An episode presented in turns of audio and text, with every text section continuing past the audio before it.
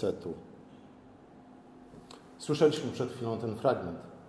Elżbieta, bo znamy szerszy oczywiście kontekst tej historii, Elżbieta poczęła w cudowny sposób cudowne dziecko. Elżbieta pochodziła od Aarona, a więc od niebyle kogo. Jej mąż był kapłanem i też niebyle jakim. Była również starsza od Marii. Dlatego nie dziwi, że kiedy Maria przyszła odwiedzić Elżbietę, to ona pierwsza wypowiedziała pozdrowienie.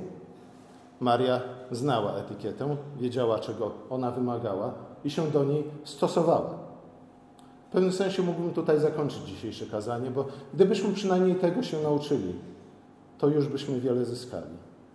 Maria wiedziała, jak się zachować, ale zaraz po pozdrowieniu dziecko w łonie Elżbiety aż podskoczyło z radości może tu po raz pierwszy spełniła się, spełniło się proroctwo Malachiasza, który mówi o tym, że kiedy usłyszymy o tym nadchodzącym Dniu Pańskim, będziemy skakać jak młode cielęta.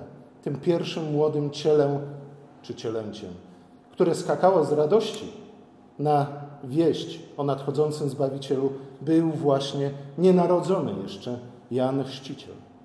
Elżbieta pod natchnieniem Ducha Świętego odpowiedziała pozdrowieniem i w tym pozdrowieniu rozpoznała jednak wyższość Marii od siebie. Sama przyjęła pozycję sługi wobec gościa honorowego, który ją nawiedził, w którym rozpoznała matkę mojego Pana i błogosławioną między niewiastami. Tutaj powtarzam słowa anioła Gabriela, który wcześniej dokładnie w ten sposób pozdrowił Marię, kiedy przyszedł, aby zapowiedzieć jej narodziny Chrystusa. Elżbieta zatem pod natchnieniem ducha potwierdziła to, co wcześniej już powiedział Gabriel o owocu łona Marii i o samej Marii. Mamy do czynienia już na samym progu tego spotkania z nieoczekiwanym odwróceniem ról. W pewnym sensie cały ten fragment dzisiejszy dokładnie o tym mówi, o, o nieoczekiwanym odwróceniu ról. Później więcej będziemy słyszeć na ten temat w pieśni Marii, czyli w Magnifikat. Pozdrowienie Elżbiety przypomina bardzo strofę z pieśni Debory z Księgi Sędziów, w której wychwala ona Jael za to, że uwolniła lud Boży od nikczemnego i groźnego Sysery, który zginął jak wąż, kiedy Jael właśnie, kiedy ten spokojnie i słodko sobie spał, wbiła mu w czaszkę kołek od namiotu. Maria jest błogosławiona również jako matka mojego Pana. I to właśnie w tej roli. Oczywiście w roli matki mojego Pana, ale również, nie zapominajmy o tym, w roli matki jako takiej. Odegra szczególną rolę w historii zbawienia. Matka szczególnego dziecka, które, którego przyjściu na świat powiedziała tak i zrobiła to bez wahania. Powiedziała tak mimo wszystkich trudnych, niewątpliwie okoliczności poczęcia. Pamiętamy, że nie była zaślubiona Józefowi. Pamiętamy, czym to mogło grozić dla niej. Ale również, mimo że z powodu poczęcia tego dziecka, jak później zapowiedział jej to Symeon, jej własna dusza zostanie przebita mieczem. A jednak Maria mówi tak. Mówi tak dla tego dziecka, mówi tak dla macierzyństwa, mówi tak w pełni świadomie. Zatem widzimy, że nie była to przypadkowa ciąża po sobotniej potańcówce. Kiedy Łukasz posługuje się określeniem matka mojego Pana, to oczywiście ma tutaj coś bardzo konkretnego na myśli. Nie tylko zaś to, że Jan będzie, że Jezus będzie większy niż Jan. Widzimy to również w dziejach apostolskich, kiedy Piotr w kazaniu w dniu zesłania Ducha Świętego cytuje Psalm 110 odnosząc go do Jezusa. Jezus jest Panem. Jezus jest Bogiem. Jezus jest Emanuelem, Bogiem z nami. W podobny sposób Paweł w liście do, w liście do, no właśnie, w którym liście? W którym ze swoich listów nazywa Jezusa Panem chwały. A wiemy z Psalmu 24, że ten tytuł do tej pory był zarezerwowany dla samego Boga. Dziecko w łonie Marii było nie tylko szczególnym człowiekiem, ale było samym Bogiem. który przychodzi do nas. Elżbieta najpierw nazywa Marię błogosławioną, używając jednego greckiego słowa. Później z kolei nazywa drugi raz Marię błogosławioną, używając innego greckiego słowa. I to drugie greckie słowo makarios pojawia się również w ośmiu błogosławieństwach. Słuchajcie, szczęśliwi są ci, innymi słowy, błogosławieni są ci, którzy z ufną wdzięcznością przyjmują łaskawe dary Boga. I to niezależnie od tego, jakie będą bezpośrednie skutki tych łaskawych darów Boga. Bo pamiętajmy, że bezpośrednim skutkiem tego łaskawego daru Boga, on, którego On udzielił Marii, nie była błogość, nie była niczym niezmącona szczęśliwość, ale właśnie ten miecz, który zawisł nad głową jej i jego, jej dziecka. O ile wcześniej, nie, tak, o ile wcześniej Elżbieta nazywa Marię błogosławioną z powodu właśnie daru Boga, który Maria miała otrzymać, to po raz drugi nazywa Marię błogosławioną ze względu na odpowiedź Marii na ten dar. Warto o tym pamiętać.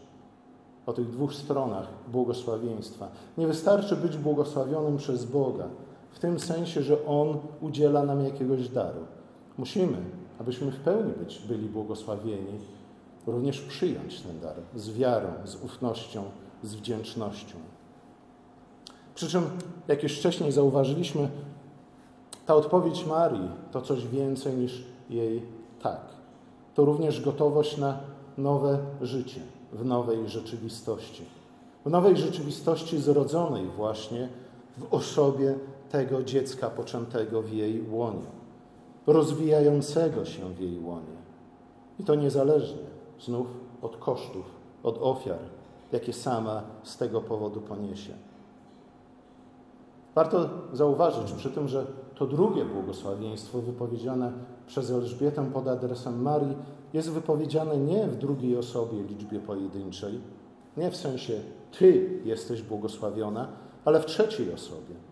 Błogosławieni albo błogosławiona w sensie ogólnym. Błogosławiona ta, która uwierzyła, że spełnią się słowa Pana, które wypowiedział do niej. Słuchajcie, ta zmiana wydaje się zapraszać nas wszystkich do naśladowania właśnie Marii w jej wierze, w jej zaufaniu, w jej gotowości na przyjęcie daru Boga, w jej gotowości, w jej otwarciu na zbawcze działanie Boga w jej życiu. I to znów, będę to wielokrotnie dzisiaj powtarzał, bez względu na koszty. W końcu przychodzi czas na samą pieśń Marii, czyli na Magnifikat. Na wstępie rzuca się tutaj liczba cytatów pochodzących ze Starego Testamentu, z hymnów starotestamentowych, a zwłaszcza z psalmów. Jest ich co najmniej 15. Przy czym pierwsza linijka pochodzi od pieśni Anny z pierwszej księgi Samuela, tej, która również w cudowny sposób powiła cudowne dziecko Samuela. Słuchajcie, te wszystkie nawiązania, te wszystkie echa tych wszystkich miejsc z hymnów starotestamentowych świadczą po pierwsze o tym, że Maria doskonale znała Pismo. Jej życie, jej dusza była nasiąknięta Pismem Świętym, a to zwłaszcza w formie śpiewane, a to zwłaszcza hymnów starotestamentowych. I być może właśnie to było potrzebne. Taka kobieta była potrzebna, żeby powiedzieć tak na dar Boga. Te słowa jednak wskazują także na to, iż Pan poczęty w łonie Marii stanowi kulminację dotychczasowej historii Izraela i wszystkich jego nadziei na zbawienie, na potomka Ewa, Ewy, który w końcu przyjdzie i zmiażdży łeb węża. Maria najpierw w swojej pieśni maluje obraz Boga i mówi o Bogu jako o Bogu potężnym. On jest potężnym wojownikiem i musi taki być, po to, aby mógł nas zbawić. A On przychodzi do nas nie tylko i wyłącznie z empatią, ze współczuciem, bo gdyby to było wszystko, z czym by przyszedł, nie mógłby nas zbawić. Słuchajcie, sama empatia, samo współczucie bywa dobre, chociaż też nie zawsze, ale bez mocy sprawczej niewiele nam daje. Bóg jest potężnym wojownikiem, który przynosi swemu ludowi zbawienie. On jest wszechmocnym. Jego czyny są potężne. Jego ramię jest mocne. I znów, skąd to wszystko Maria wiedziała? Właśnie z lektury Starego Testamentu. Bóg wielokrotnie dawał w historii swojego ludu znaki tego, że On jest mocny. I właśnie jako mocarny, potężny wojownik przychodzi, aby zbawić swój lud. Jednocześnie jest miłosierny i wierny. Wierny swemu ludowi, wierny swojemu przymierzu. I jako taki mocny, wierny i miłosierny przychodzi z ratunkiem swojemu ludowi. Nie tylko swojemu ludowi, ale jak wiemy z Ewangelii również przychodzi ze zbawieniem dla całego stworzenia. W jaki sposób to zbawienie ma wyglądać? Bóg strąci władców stronów, zniweczy zamiary pysznych, bogatych pozbawi ich bogactwa. Z kolei poniżonych, czyli pokornych, wywyższy, a głodnych nasyci. Słuchajcie, na pierwszy rzut oka wygląda to jak działalność rewolucyjna. Tak jednak nie jest. Bóg nie stawia świata na głowie. Nie niszczy tego, czego uratować się już nie da. I dlatego należy to zniszczyć, aby na ruinach zbudować coś odmiennego, w nadziei, że to coś odmiennego będzie być może lepsze niż to, co było. Nie, tak nie jest. Bóg bowiem stawia świat z powrotem na nogach. Znów zaprowadza boski porządek w świecie, postawiony na głowie przez szatana, przez węża, ale także przez zepsucie ludzkiego serca, przez nasze własne grzechy. Znów rozświetla ciemności, znów nadaje formę temu, co bezkształtne, znów wypełnia to, co puste. I nie chodzi tutaj tylko i wyłącznie o rzeczywistość społeczno-ekonomiczno-polityczną, gdyż ona również jest kształtowana przez ludzkie serca, przez nasze pragnienia, przez nasze dążenia, w znacznej mierze przez nasz brak cierpliwości na dobre i na złe. Z serca bowiem pochodzą złe myśli, zabójstwa, cudzołóstwa, czyny rozpustne, kradzieże, fałszywe świadectwa, bluźnierstwa, mówi Jezus w Ewangelii. Bóg uczynił świat dobrym i pięknym, a my, nawet z Jego świątyni, uczyniliśmy jaskinię zbójców. A zatem ta przemiana świata na nowe musi rozpocząć się od przemiany naszego serca, mojego serca i Twojego serca. Bóg jednak nie zapomniał o świecie, który zniszczyliśmy, ponieważ jest to świat, który On stworzył i do Niego należy. Nie zapomniał również o ludzie, ludzie, z którym związał się przymierzem. Przyszedł czas, kiedy dokona decydującego dzieła w planie zbawienia świata, a uczyni to przez dziecko rozwijające się w łonie Marii, która z wiarą i z ufnością powiedziała tak na zwiastowanie anioła. Oczywiście bez Boga Maria byłaby bezsilna, ale to nie umniejsza znaczenia jej wiary. To nie umniejsza znaczenia jej odpowiedzi na słowo, które Bóg jej posłał. Bóg sprzeciwia się bowiem pysznym, ale właśnie pokornym okazuje łaskę. Pokornym, czyli tym, którzy są świadomi tego i wyznają to, że potrzebują wspomożenia Bożego, bez którego byliby całkowicie zagubieni, bez którego nie byliby w stanie uciec. Wodą potopu albo wyrwać się z egipskiego domu niewoli. Nawet jeśli nie uznajemy Marii za pośrednika między Bogiem a ludźmi, nawet jeśli nie kierujemy do nich naszych modlitw, prosząc ją, aby ona wstawiała się za nami, to słuchajcie, ewangelista stawia ją mimo wszystko jako przykład człowieka wiary, który chwyta się obietnic Bożych z nadzieją i z wiarą, nawet jeśli realizacja tychże obietnic sprawi, że jej własne serce przeszyje miecz. Wie bowiem, że realizacja tych obietnic Bożych jest tak naprawdę jedyną nadzieją na zbawienie, jedyną nadzieją na naprawę świata i jedyną nadzieją na pełnię Królestwa Bożego. Tak naprawdę jest to jedyna nadzieja na to, że Przyjdzie kiedyś rzeczywistość, którą prorocy opisują w następujący sposób. Jako czas, kiedy będziemy budować domy i w nich zamieszkamy. Kiedy zasadzimy winnicę i będziemy cieszyć się jej owocem. Kiedy spłodzimy dzieci i będziemy widzieć, jak dorastają na mężów i na kobiety dzielne w Bogu. Naprawa świata nie następuje za sprawą przysłowiowego przerzucenia wajchy zatem, ani też samego usilnego życzenia sobie tej naprawy świata. A już na pewno naprawa świata nie następuje poprzez narzekanie na stan rzeczy, co jest bardzo łatwe i bardzo oczywiste. Nie następuje tym bardziej poprzez zniszczenie tego, co jest, w nadziei, że cokolwiek przyjdzie później, musi być z konieczności lepsze niż to, co jest. Nie. Naprawa świata jest oczywiście sprawą słowa i ducha, ale także ludzi, takich jak Maria. Ludzi, którzy z wiarą, z ufnością, z pokorą przyjmują słowo i ducha. Przychodzi do Marii słowo i duch, a ona odpowiada: Tak, mam zostać matką, zostanę nią. Ludzie będą źle o mnie mówić, niech mówią. Miecz przeszyje moje serce, skoro tak ma być, to tak niech będzie. Wiara Marii oznaczała zatem gotowość na działanie Boga w jej życiu i gotowość na działanie Boga poprzez nią samą. Nawet jeśli miałoby to oznaczać to przysłowiowe pobrudzenie sobie rąk, nawet jeśli będzie to wymagać poświęcenia ofiary, nawet jeśli oznacza to poniesienie krzyża.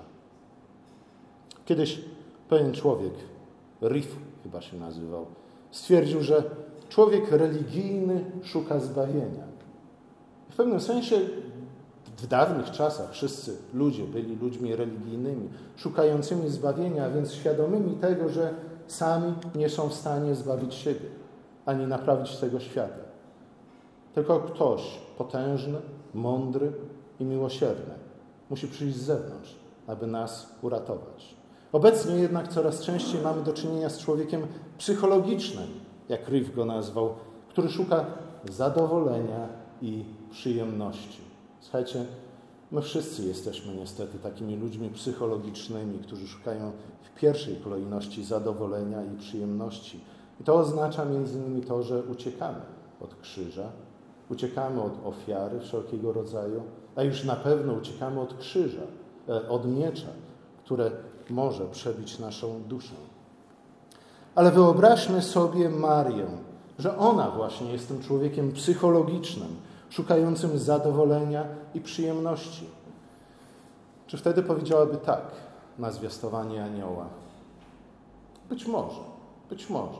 Słuchajcie, czasami tak bywa, zwłaszcza przy pierwszym dziecku, że kobieta tak bardzo pragnie mieć takiego fajnego, małego dzidziusia, zwłaszcza jeśli niewiele wie na temat tego, czym są małe dzidziusie.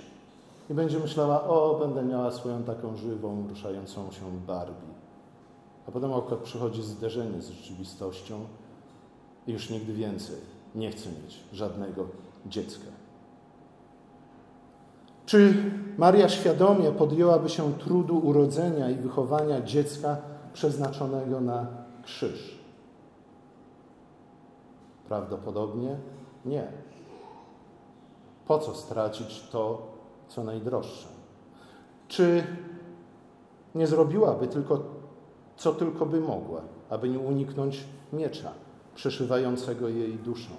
Bo tak naprawdę na tym polega życie człowieka psychologicznego, szukającego zadowolenia i przyjemności.